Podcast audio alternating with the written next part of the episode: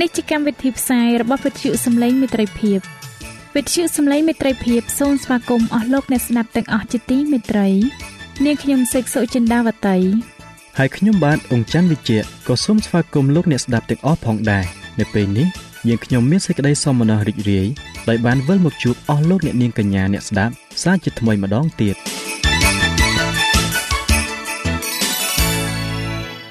នាងខ្ញុំសេកសុចិន្តាវតី សូមជម្រាបជូនកម្មវិធីផ្សាយដែលមានជាបន្តបន្ទាប់ដូចតទៅនេតិជំហានទៅកាន់ព្រះគ្រីស្ទនេតិផ្លូវសម្រាប់ជីវិត ចា៎លោកអ្នកស្ដាប់ជាទីមេត្រី នាងខ្ញុំសូមគោរពអញ្ជើញអស់លោកលោកស្រី អ្នកនាងកញ្ញាតាមដានស្ដាប់កម្មវិធីផ្សាយរបស់វិទ្យុយើងខ្ញុំដូចតទៅ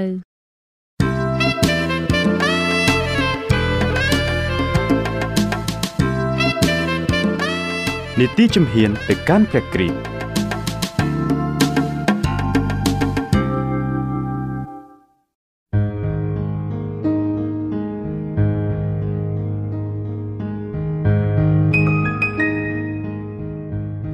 ចា៎នាងខ្ញុំសេសុចិនាវតី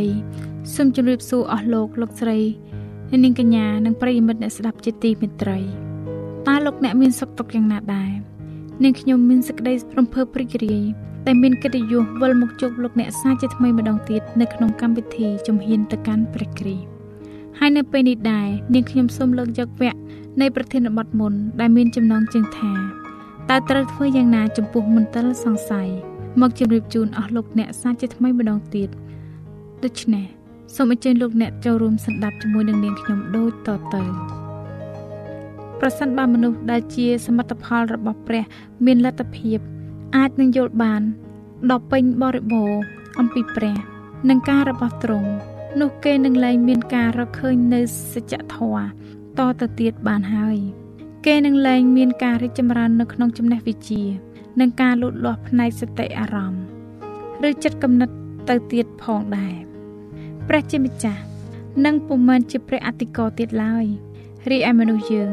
នឹងឈានដល់ទីកំណត់នៃចំណេះវិជ្ជា និងសមិទ្ធផល នឹងឈប់លូតលាស់តទៅមុខទៀតដែរចូលឲ្យយើងថ្លែងអំណរគុណដល់ព្រះជាម្ចាស់ដែលទ្រង់រាំងទប់មិនឲ្យការទាំងអស់នោះកើតទៅបានព្រះជាម្ចាស់គឺគ្មានអ្វីកំណត់បានឡើយនៅក្នុងព្រះគម្ពីរកូឡូសជំពូក2ខ3បានសម្ដែងថា នៅក្នុងទ្រង់មានកំណប់នៃប្រាជ្ញា និងចំណេះវិជ្ជាអស់លោកអ្នកដែលកំពុងតាមដានស្ដាប់នេតិជំហានទៅកាន់ព្រះគ្រីស្ទជាទីមេត្រី ទោះជាមនុស្សខំស្រាវជ្រាវ ខំរៀនសូត្ររហូតដល់ទីបំផុតក៏ដោយក៏គេមិនអាចរៀនឲ្យអស់នៅកំណប់នៃប្រាជ្ញារបស់ទ្រង់សេរីល្អរបស់ទ្រង់និងអំណាចរបស់ទ្រង់បានដែរព្រះមានព្រះハរតីចង់ឲ្យរាជរបស់ទ្រង់រកឃើញការបើកសម្ដែងនៅសច្ចធម៌នៃព្រះបន្ទូលរបស់ទ្រង់នៅក្នុងជីវិតរស់នៅរបស់ពួកគេម្នាក់ម្នាក់គឺមានតែមធ្យោបាយតែមួយគត់ ដែលអាចធ្វើឲ្យពួកគេទទួលនៅចំណេះវិជ្ជាទាំងនោះបានយើងអាចទទួលការយល់ដឹងនៅព្រះបន្ទូលរបស់ព្រះជាម្ចាស់តាមរយៈការបំភ្លឺនៃព្រះវិញ្ញាណបរិសុទ្ធប៉ុណ្ណោះត្បិតនៅក្នុងព្រះគម្ពីរកូរិនថូសទី1ចំពុក2ខ11បានសម្ដែងយ៉ាងច្បាស់ថាអ្វីដែលព្រះជាម្ចាស់ដឹងគឺគ្មានមនុស្សលោកណាម្នាក់អាចដឹងបានឡើយក្រៅអំពីព្រះវិញ្ញាណនៃព្រះជាម្ចាស់រីឯនៅក្នុងព្រះគម្ពីរកូរិនថូសទី1 ជំពូក2ខ10ក៏បានចែងផងដែរថាត្បិតព្រះវិញ្ញាណនៃទ្រង់ស្ទង់មើលគ្រប់ទាំងអស់ព្រមទាំងសេចក្តីជ្រាលជ្រៅនៃព្រះដែរចំណែកឯនៅក្នុងព្រះគម្ពីរយូហានជំពូក16ខ13ដល់ខ14ក៏បានប្រាប់យើងទៀតថាឯព្រះបន្ទូលសន្យានៃព្រះអង្គសង្គ្រោះគឺ កាលណាព្រះអង្គនោះដែលជាព្រះវិញ្ញាណនៃសេចក្តីពិតបានមកដល់ នោះទ្រង់នឹងនាំអ្នករាល់គ្នា ទៅគ្រប់ទាំងសេចក្តីពិតត្បិតទ្រង់នឹងយកសេចក្តីតម្រូវអំពីខ្ញុំមកប្រាប់ដល់អ្នករាល់គ្នាអស់លោកអ្នកដែលកំពុងស្ដាប់វិទ្យុសំឡេងមិត្តភាពជាទីមេត្រីព្រះជាម្ចាស់មានចំណងចង់ឲ្យមនុស្សលោកប្រើប្រាស់នៅអំណាចនៃការពិចារណារបស់ខ្លួន ដើម្បីការសិក្សាព្រះគម្ពីរបរិសុទ្ធដែលផ្ដល់កម្លាំង និងលើកដង្កើងឲ្យខ្ពស់នៅអារម្មណ៍របស់គេ ដែលគ្មានការរៀនសូត្របែបណាអាចប្រដូចបានឡើយក៏ប៉ុន្តែ យើងត្រូវតែប្រុងប្រយ័ត្ននឹងមូលហេតុនៃការលើកសរសើរដំកើងខ្លួនឯងដែលអាចជាចំណុចនៃភាពកំសោយ និងគុណវិបត្តិទៅវិញ ប្រសិនបើយើងមិនចង់ឲ្យព្រះបន្ទូលនៃព្រះជាម្ចាស់លាក់កំបាំងអំពីការយល់ដឹងរបស់យើងដែលតែងធ្វើឲ្យសេចក្តីពិតដ៏ងាយស្រួលបែរជាមិនយល់ទៅវិញនោះ យើងត្រូវតែធ្វើភាពសាមញ្ញនិងមានជំនឿដូចជាក្មេងតូច ដែលរៀបខ្លួនជាស្រេចដើម្បីរៀននិងសូមជំនួយពីព្រះវិញ្ញាណបរិសុទ្ធចុះការយល់ដឹងអំពីអំណាច និងកតេបណ្ឌិតរបស់ព្រះនិងការខ្វះសមត្ថភាពរបស់យើងនៅក្នុងការយល់ដល់ភាពអស្ចារ្យនៃព្រះជាម្ចាស់និងជំរុញឲ្យយើង បន្ទន់ចិត្តដោយសភាពព្រៀបផ្សារយើងត្រូវតែបើកព្រះបន្ទូលរបស់ទ្រង់ឲ្យដូចជាយើង ចូលទៅក្នុងវត្តមានរបស់ព្រះអង្គដោយក្តីស្ញប់ស្ញែងយ៉ាងដូចនេះដែរនៅពេលដែលយើងមកសិក្សាព្រះគម្ពីរយើងត្រូវតែដឹងថាមានអំណាចដែលលុបលើអស់ទាំងហេតុផលទាំងប៉ុន្មាន និងប្រាជ្ញាផងទាំងឡាយដែលត្រូវតែអោនលំទោនទៅឯព្រះជាម្ចាស់ដ៏មហាអស្ចារ្យអស់លោកអ្នកជាទីមិត្តរី មានបញ្ហាជាច្រើន ដែលហាក់ដូចជាលំបាកតែបែរជាស្រពេចស្រពិលដែលព្រះជាម្ចាស់បានធ្វើទៅជាសាមញ្ញនិងងាយស្រួលនិងយល់ចំពោះអ្នកដែលស្វែងរកឲ្យបានយល់នៅបញ្ហាទាំងនោះវិញបើគ្មានការដឹកនាំនៃព្រះវិញ្ញាណបរិសុទ្ធទេ នោះយើង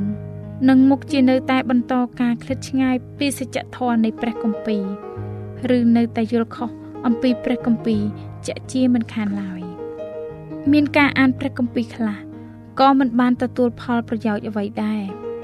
ហើយក៏បណ្ដាលឲ្យមានការគ្រោះថ្នាក់ជាវិជ្ជមានថែមទៀតផង នៅពេលណា ដែលគេបើកព្រះគម្ពីរជាព្រះបន្ទូលរបស់ព្រះ ដោយគ្មានសេចក្តីកោតខ្លាច និងដោយគ្មានការអធិដ្ឋានដល់ព្រះ នៅពេលណា ដែលចិត្តគំនិតនិងសេចក្តីស្រឡាញ់មិនផ្ដោតភ្ជាប់ទៅលើព្រះជាម្ចាស់ ឬមិនចោះសម្រងជាមួយនឹងព្រះរាជហារតីរបស់ទ្រង់នោះទឹកចិត្តរបស់គេនឹងត្រូវល្អក់កកដោយសេចក្តីមន្ទិលសង្ស័យហើយនៅពេលដែលគេសិក្សាព្រះគម្ពីរនោះក៏កើតមានចម្ងល់ដ៏មិនចេះអស់មិនចេះហើយ ហើយក៏កាន់តែមានឡើង ជាច្រើនឡើងច្រើនឡើងអស់លោកអ្នកជាទីមេត្រី ពេលនោះ មានសាតាំងដែលជាបច្ចាមិត្តបានចូលមកត្រួតត្រា លើចិត្តគំនិតរបស់ពួកគេ ហើយវានឹងឲ្យយោបល់ជាការបកស្រាយមិនត្រឹមត្រូវ ទៅតាមព្រះបន្ទូលទៅវិញនៅពេលណាដែលមនុស្សមិនបានស្វែងរកពាក្យសម្ដីនិងសកម្មភាពរបស់ខ្លួន ដើម្បីឲ្យបានចុះសម្រុងនឹងព្រះទេនោះទោះជាគេមានចំណេះវិជ្ជាច្រើន ឬខ្ពង់ខ្ពស់យ៉ាងណាក៏ដោយ គេនៅតែមានការយល់ដឹង ដោយខុសឆ្គងអំពីព្រះបន្ទូលរបស់ព្រះនៅក្នុងព្រះគម្ពីរដដែលហើយវាមានការគ្រោះថ្នាក់ណាស់ប្រសិនបើយើងទុកចិត្តព្រមទាំងទទួលយកការពន្យល់ណែនាំរបស់ពួកគេថែមទៀតនោះអ្នកទាំងឡាយណា ដែលមើលទៅព្រះគម្ពីរដើម្បីរកចាប់ចំណុចកំហុសដោយអន្លើអន្លើ នោះគេពិតជាមិនបានទទួលចក្ខុវិស័យអំពីព្រះជាម្ចាស់ឡើយដោយការមើលឃើញស្រពេចស្រពិលយ៉ាងនោះ គេនឹងឃើញមូលហេតុជាច្រើន ដែលបណ្ដាលឲ្យមានសេចក្តីមន្ទិលសង្ស័យនិងគ្មានសេចក្តីជំនឿទៅលើបញ្ហាដែលងាយស្រួលនិងសាមញ្ញដ៏ពិតប្រាកដបានឡើយអស់លោកអ្នកជាទីមេត្រីទោះបើគេខំបិទបាំងយ៉ាងណាក៏ដោយក៏មូលហេតុដ៏ពិតប្រាកដនៃការមន្ទិលសង្ស័យនិងចម្ងល់ដ៏ឥតព្រំដែនគឺជាការស្រឡាញ់អំពើបាប មនុស្សដែលមានមោទនភាព អំនួត និងសេចក្តីត្រេកត្រអាលនឹងអំពើបាប និងមិនព្រមទទួលស្វាគមន៍នៅការបង្ហាត់បង្រៀនព្រមទាំងលក្ខខណ្ឌរបស់ព្រះជាម្ចាស់ឡើយចំណែកអ្នកដែលមិនព្រមគោរពតាមសេចក្តីតម្រូវនៃព្រះគម្ពីរគេមានការមន្ទិលសង្ស័យរួចជាស្រេចអំពីអំណាចនៃព្រះគម្ពីរដើម្បីអាចឈានទៅដល់សច្ចធម៌យើងត្រូវតែមានចំណងដ៏ស្មោះត្រង់ចង់ដឹងនៅសេចក្តីពិត ហើយនឹងសុឆន្ទៈនិងគោរពប្រតិបត្តិដល់សច្ចធម៌ទាំងនោះបានអ្នកឯណា ដែលចូលមកសិក្សាព្រះគម្ពីរដោយមានទឹកចិត្តយ៉ាងដូច្នោះនោះនឹងឃើញនៅភ័ស្តុតាងដ៏បរិបូរណ៍ដែលជាព្រះបន្ទូលរបស់ព្រះជាម្ចាស់ហើយគេនិងមានការរីកចម្រើន ក្នុងការយល់ដឹងនៃសេចក្តីពិតនៃព្រះបន្ទូលដែលនឹងបានធ្វើឲ្យគេ មានបញ្ញាឆ្លៀសវៃដែលជាប្រយោជន៍ បានទៅដល់ការទទួលនៅសេចក្តីសង្គ្រោះតែម្ដង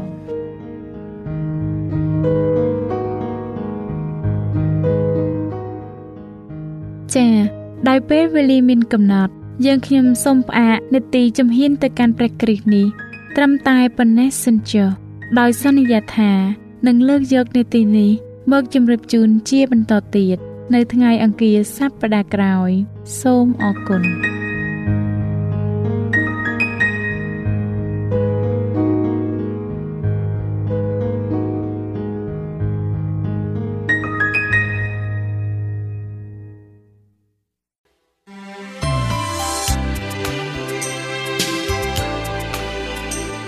វិទ្យុសំឡេងមេត្រីភាព AWR ជាវិទ្យុដែលនាំមកពីក្នុងការនាំព្រះរាជសាររបស់ព្រះជាម្ចាស់សម្រាប់លោកអ្នក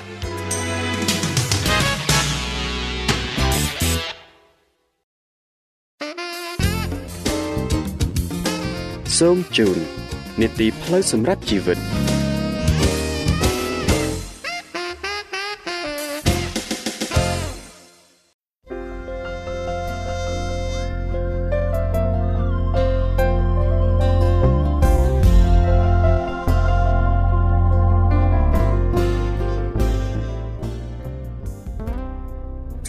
អស់លោកអ្នកស្ដាប់ជាទីមេត្រី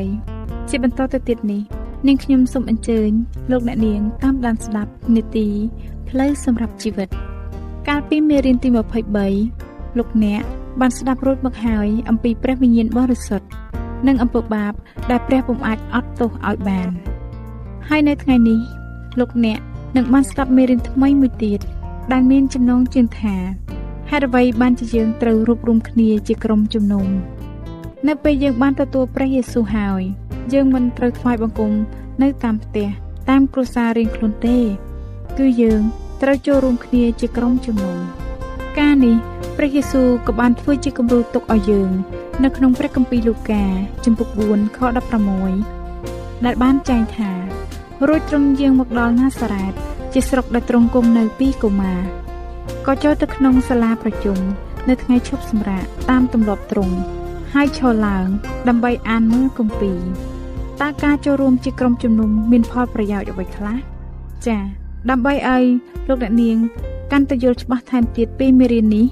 នាងខ្ញុំសូមគោរពអញ្ជើញលោកអ្នកនាង តាមដានស្ដាប់មេរៀនទី24ភាគទី3នេះដែលនឹងជម្រាបជូនដល់លោកអង្គច័ន្ទវិជ្ជៈដូចតទៅនីតិផ្លូវសម្រាប់ជីវិតហេតុអ្វីបានជារួបរวมជាក្រុមជំនុំ រាជសារទី3នៃទេវតា ជាសេចក្តីអំពាវនាវក្រោយបំផុត ចំពោះពិភពលោកហើយសម្ដែងពីលទ្ធផលជាក់ច្បាស់ដល់អ្នកមិនជឿនិងអ្នកមិនលះបង់ផ្លូវចាស់ព្រះគម្ពីរវិវរណៈចំពោះ14ខ9រហូតដល់ខ12បានសរសេររៀបរាប់អំពីព្រះរាជសារទី3នៃទេវតារបស់ព្រះ ដែលបានចែងថារួចមានទេវតាទី3មកតាមក្រោយទៀតទាំងបន្លឺដោយសម្លេងយ៉ាងខ្លាំងថាបើអ្នកណាក្រាបថ្វាយបង្គំដល់សត្វនោះនិងរូបវា ហើយទទួលទីសម្គាល់វានៅលើថ្ងាសឬនៅដៃអ្នកនោះនឹងត្រូវផឹកស្រាផងសេចក្តីខូខើរបស់ព្រះ ជាស្រាឥតលាយដែលចាក់ទៅក្នុងពេងនៃសេចក្តីក្រោធរបស់ទ្រង់ព្រមទាំងត្រូវរងទុក្ខវេទនានៅក្នុងភ្លើងនិងស្ពាន់ធរចំពោះមុខនៃពួកទេវតាបរិសុទ្ធនិងកូនជាមផងឯផ្សាយនៃសេចក្តីទុក្ខលំបាករបស់គេនឹងហុយឡើងអស់កលជានិច្ចរៀងរៀបតទៅ គេនឹងឥតមានសេចក្តីស្រក់ស្រានឡើងទាំងយប់ទាំងថ្ងៃ គឺពួកអ្នកដែលក្រាបថ្វាយបង្គំដល់សត្វនោះនឹងរូបវា ឬអ្នកណា ដែលទទួលទីសម្គាល់នៃឈ្មោះវាផងអត្ថន័យនៃពាក្យសត្វមាននៅក្នុងគម្ពីរដានីយ៉ែលចំពោះ7ខ17ដែលបានចែងថាឯសត្វធំទាំង4នោះគឺជាស្ដេចបុត្រអង្គដែលនឹងកាត់ឡើងនៅផែនដីព្រះគម្ពីរដានីយ៉ែលចំពោះ7ខ25ប្រាប់យើងថាសត្វមួយក្នុងចំណោមសត្វឬស្ដេចអាណាចក្រជាច្រើនពោលពាក្យទោសនឹងព្រះដ៏ធំហើយខ្ពស់បំផុត ហើយនឹងធ្វើទុកបៀតបៀនដល់ពួកបរិសុទ្ធនៃព្រះដ៏ខ្ពស់បំផុតដែរព្រមទាំងគិតបំផ្លាស់ពេលកំណត់និងច្បាប់សាសនាផងព្រះគម្ពីរវិវរណៈជំពូក13ខ16និងខ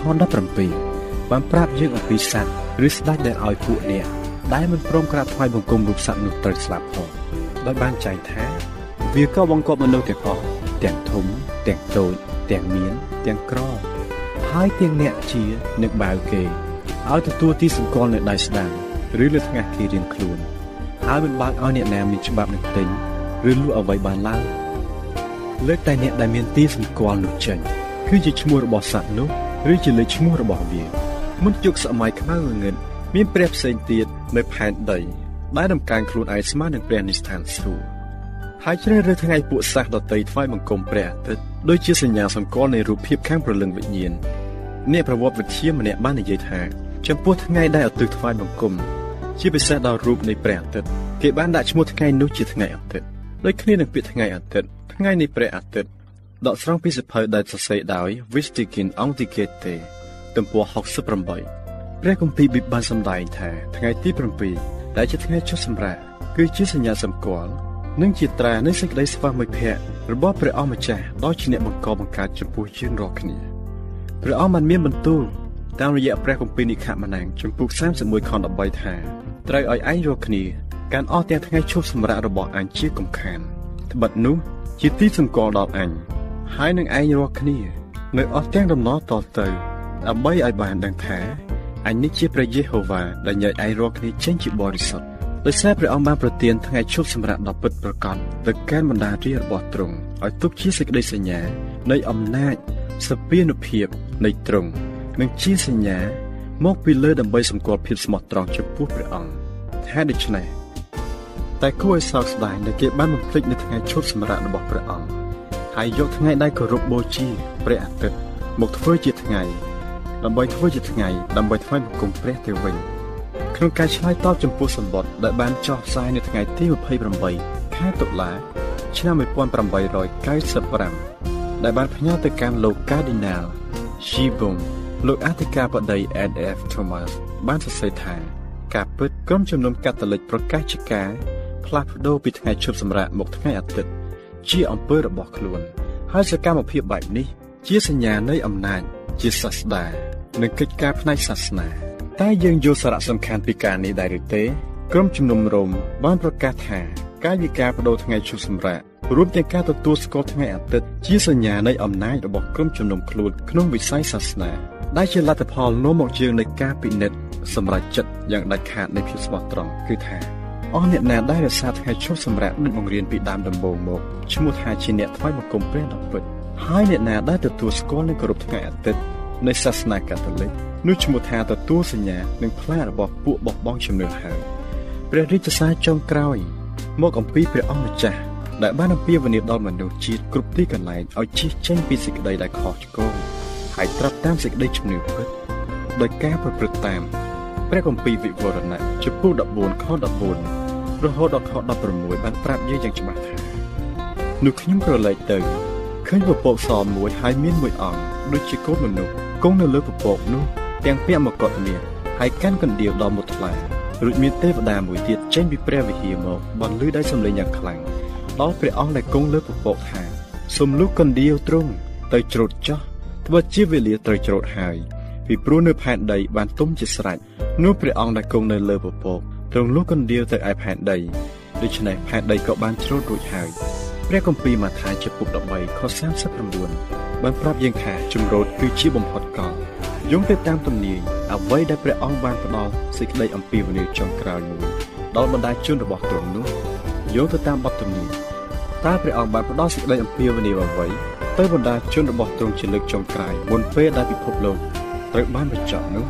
ព្រះគម្ពីរវិវរណៈចំពុក18ខ1រហូតដល់ខ4បានឆ្លើយតបនឹងសំណួរនេះថាក្រោយនោះមកខ្ញុំឃើញទេវតាមួយទៀតចុះពីស្ថានសួគ៌មកមានអំណាចយ៉ាងធំហើយសេរីល្អទេវតានោះក៏បំភ្លឺផែនដីទេវតានោះបំភ្លឺឡើងដោយសំឡេងយ៉ាងខ្លាំងថាក្រុងបាប៊ីឡូនដ៏ជាធំបានរលំហើយបានរលំហើយហើយខ្ញុំឮសំឡេងមួយទៀតពីលើមេឃពោលថា អោរិះអញអើយចូលចេញពីទីក្រុងនោះមក ដើម្បីកុំឲ្យមានចំណែកក្នុងអំពើបាបវាឡើយក្រែងត្រូវវេទនាដូចជាវាដែរបាប៊ីឡូនមានន័យថាច្របូកច្របល់ដោយពិតនោះគឺវាមានការច្របូកច្របល់យ៉ាងសម្បើមណាស់ខាងជំនឿសាសនាក្នុងការដែលគោលលទ្ធិខុសប្លែកគ្នាជាច្រើនយ៉ាងនេះព្រះយេស៊ូវបានអំពាវនាវហៅពួកគ្រីស្ទបរិស័ទដ៏សុចរិតស្លូតត្រង់ទាំងឡាយដែលនៅក្នុងក្រុមជំនុំទាំងអស់នោះ ឲ្យចេញមករួបរวมជាមួយគ្នានឹងក្រុមជំនុំរបស់ព្រះអង្គតែមួយ។ ពលគឺក្រោលតែមួយរូបកាយតែមួយវាជាការធម្មតាប៉ុណ្ណោះដែលព្រះយេស៊ូវទ្រង់មានបំណងអំពីវនីវហៅគ្រប់អស់ទាំងអ្នកដើរតាមទ្រង់គឺពួកគ្រីស្ទបរិស័ទឲ្យមករួបរวมគ្នាក្នុងអង្គតែមួយឬក៏ក្រុមជំនុំទាំងមួយតើមិនដូច្នេះទេឬអីហេតុដូចម្ដេចបានជារារបស់ព្រះអង្គនឹងមិនព្រមចេញមកម្ដេចក៏នៅដាច់ដោយឡែកពីគ្នាយ៉ាងនេះ ក្នុងប្រទេសប៉ាឡេស្ទីនអ្នកគង្វាលជាមទាំងអស់តែងតែឲ្យជាមរបស់ខ្លួនរកស៊ីចូលច្រឡូកច្រឡំជាមួយគ្នាប៉ុន្តែកាលណាអ្នកគង្វាលមួយណាហើយជាមរបស់គាត់ជាមទាំងអស់ក៏មកតាមគាត់ព្រោះវាស្គាល់សម្លេងរបស់គាត់ជាមរបស់ព្រះយេស៊ូវថ្ងៃនេះនឹងចេញមកហើយដើរតាមព្រះអង្គចូលទៅក្នុងក្រៅកាលណាមនុស្សម្នាក់ឃើញថាក្រុមជំនុំរបស់ខ្លួនមិនបានដើរតាមការបង្រៀនរបស់ព្រះគម្ពីរទេអ្នកនោះគួរតែមានសេចក្តីក្លាហាននិងឈានចេញមកវិញហើយទៅរួមនឹងមនុស្សដែលព្រះយេស៊ូវ បានជ្រើសរើសហើយសម្រេចចិត្តធ្វើតាមព្រះគម្ពីរគ្រប់ជំហាន ដោយមិនគិតគូរអំពីការប្រឆាំងនឹងពីខាងក្រៅឡើយចំណុចទី4តើធ្វើយ៉ាងណាដើម្បីឲ្យស្គាល់ថាក្រុមជំនុំពិតប្រាកដតើព្រះទ្រង់បានដាស់សញ្ញាឲ្យក្រុមជំនុំទ្រង់យ៉ាងដូចម្ដេចព្រះគម្ពីរវិវរណៈចំពុក14ខ12បានសម្ដែងប្រាប់យើងថានេះហើយជាសេចក្តីអត់ធ្មត់របស់ពួកបរិសុទ្ធដែលកាន់តាមបញ្ញត្តិរបស់ព្រះ ហើយសេចក្តីជំនឿដល់ព្រះយេស៊ូវ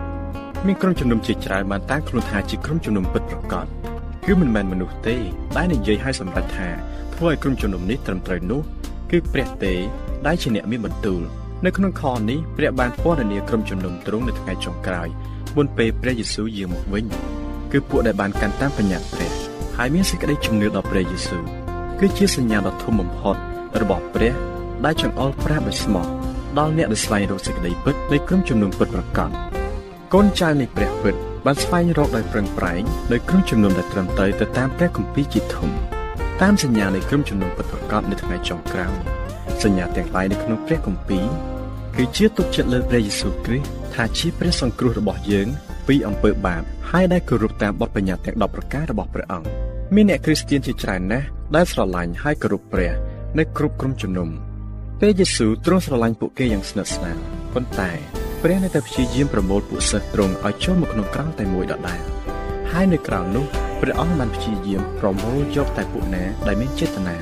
គ្រប់តាមបញ្ញាទ្រង់ហើយពួកណាដែលទទួលយកព្រះយេស៊ូវគ្រីស្ទជាព្រះអង្គសង្គ្រោះរបស់គេនិស្សិតម្នាក់បានសរសេរមកខ្ញុំថាខ្ញុំមានការនឿយណាយក្នុងការស្វែងរកក្រុមជំនុំពិតប្រាកដណាស់ព្រះគម្ពីរបានបង្រៀនថាថ្ងៃឈប់សម្រាកគឺជាថ្ងៃទី7ប្រចាំសប្តាហ៍តែគ្មានព្រះវិហារគ្រីស្ទាននៅខ្ញុំស្គាល់ណាមួយ ប្រកាន់ថ្ងៃឈប់សម្រាកនៅថ្ងៃសៅរ៍ឡើងគេនាំគ្នាគោរពថ្វាយបង្គំព្រះនៅថ្ងៃអាទិត្យប៉ុន្តែកាលអាទិត្យមុននេះខ្ញុំបានរកឃើញថាក្រុមជំនុំមួយនោះបានរក្សាថ្ងៃឈប់សម្រាកគឺជាថ្ងៃសៅរ៍នោះឯងគេនាំគ្នាគោរពថ្វាយបង្គំព្រះនៅថ្ងៃសៅរ៍វិញពួកគេហាក់ដូចជាមនុស្សដ៏ល្អដែលកាន់តាមការបង្រៀនរបស់ព្រះគម្ពីរយ៉ាងខ្ជាប់ខ្ជួនតើអ្នកគិតមើលវាអាចខុសគ្នាទេបើខ្ញុំចូលជាមួយពួកគេនោះ វាគឺជាការសប្បាយចិត្តសម្រាប់ខ្ញុំណាស់រួចខ្ញុំក៏បានសរសេរតបទៅវិញដើម្បីអះអាងចំពោះនិស្សិតនោះថាក្រុមជំនុំនោះគឺជា Seven Day Adventist ដែលជឿទៅលើព្រះគម្ពីរយ៉ាងមុតមមគ្រប់ទីកន្លែងពួកគេមានការកាន់ខ្ជាប់នៅបទបញ្ញត្តិដោយប្រុងប្រយ័ត្នបំផុតហើយជឿទៅលើសេចក្តីសង្គ្រោះមួយតាមរយៈលោហិតនៃព្រះយេស៊ូវសូមឲ្យសេចក្តីសប្បាយរីករាយចូលមានដល់អ្នកណាដែលរកឃើញក្រុមជំនុំនេះចំណុចទី5 រៀបចំខ្លួនចាំព្រះយេស៊ូវយាងមកវិញសេចក្តីពិតនៃព្រះគម្ពីរដ៏អស្ចារ្យដែលអ្នកបានសិក្សាក្នុងមេរៀននេះបានត្រូវគេលើកយកមកអធិប្បាយពីពេញពិភពលោកចំនួនជាង700ភាសានៃសកលលោកយើងនេះការភ្ញាក់រស់រវើកដ៏ធំនៃព្រលឹងវិញ្ញាណកំពុងកកនៅក្នុងពិភពលោកសប្តាហ៍ថ្ងៃនេះហើយដូច្នេះព្រះយេស៊ូវទ្រង់ហៀបនឹងយាងត្រឡប់មកវិញហើយមនុស្សដែលទ្រង់រើសហើយក្រុមជំនុំរបស់ទ្រង់នឹងមិនលឺសំឡេង ដោយតែព្រះគម្ពីរអេម៉ូសចំពុក4ខ12ចែងយ៉ាងដូចនោះដែរថាឲ្យអ៊ីស្រាអែលអើយចូលរៀបចំដើម្បីនឹងជួបព្រះរបស់ឯងចុះតើអ្នករៀបចំខ្លួនស្រេចបាច់ហើយឬនៅដើម្បីចាំព្រះយេស៊ូវយាងត្រឡប់មកវិញតើអ្នកមានចិត្តចង់ចូលរួមជាមួយមនុស្សណាដែលផ្ដល់កម្លាំងកាយចិត្តទាំងស្រុងដើម្បីប្រកាសផ្សាយប្រាប់ពិភពលោកអំពីព្រះយេស៊ូវដែលនឹងយាងមកម្ដងទៀតនិងបង្រៀនឲ្យមនុស្សកាន់តាមបញ្ញត្តិឬទេសូមអញ្ជើញសិក្សាជំនឿនិងសេចក្តីបង្រៀន ហើយនឹងសេចក្តីបង្រៀននៃក្រុមជំនុំដ៏ពិតប្រាកដលើកដំបូងអ្នកចាប់ផ្ដើមធ្វើតាមដំបូន្មាននៃព្រះយេស៊ូវអ្នកនឹងអាចជួបការប្រឆាំងខ្លាំងម្ខាងអ្នកប្រហែលត្រូវគេបៀតបៀនផងដែរប៉ុន្តែព្រះយេស៊ូវបានមានបន្ទូលលួងចិត្តអ្នកថាប៉ុន្តែព្រះយេស៊ូវបានមានបន្ទូលលួងចិត្តអ្នកដោយដែលព្រះគម្ពីរម៉ាថាយចំពោះ5ខ10បានចែងមកថាមានពរហើយដល់អ្នកដែលត្រូវគេបៀតបៀនដោយសារតែស្រឡាញ់សេចក្តីសុចរិតត្បិតនគរស្ថានសួគ៌ជារបស់ផងទាំងនោះ ជារបស់ផងអ្នកទាំងនោះតើអ្នកនឹងរក្សាជំហររបស់អ្នកឲ្យរឹងមាំដើម្បីដើរតាមព្រះគ្រីស្ទហើយគោរពតាមបទបញ្ជារបស់ទ្រង់ដែរឬទេតើអ្នកនឹងចូលទៅក្នុងក្រោយរបស់ព្រះអង្គដែរឬទេតើអ្នកនឹងសម្រេចចោះចូលជាមួយទ្រង់ឥឡូវនេះដែរឬទេ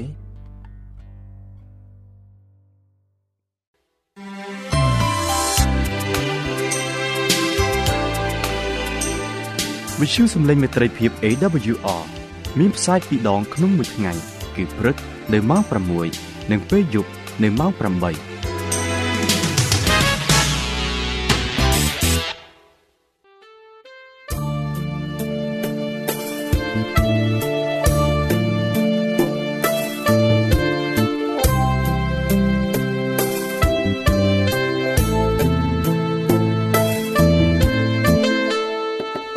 លោកអ្នកមានសំណួរឬសំណុំពរអ្វីសូមតាក់ទងមកការិយាល័យវិទ្យុយើងខ្ញុំ តាមអាស័យដ្ឋានផ្ទះលេខ15ផ្លូវលេខ568សង្កាត់បឹងកក់2ខណ្ឌទួលគោករាជធានីភ្នំពេញលោកអ្នកក៏អាចសរសេរសម្បត្តិផ្ញើមកយើងខ្ញុំ តាមរយៈប្រអប់សម្បត្តិលេខ488ភ្នំពេញឬតាមទូរស័ព្ទលេខ012 34 96 64ឬ097 80 81 060ឬក៏តាមរយៈអ៊ីមែល vol@awr.org យើងខ្ញុំរងចាំទទួលស្វាគមន៍អស់លោកអ្នកនាងដោយក្តីសោមនស្សរីករាយហើយលោកអ្នកក៏អាចស្ដាប់កម្មវិធីនេះឡើងវិញ ដោយចូលទៅកាន់ website របស់វិទ្យុយើងខ្ញុំ តាមរយៈអាស័យដ្ឋាន www.awr.org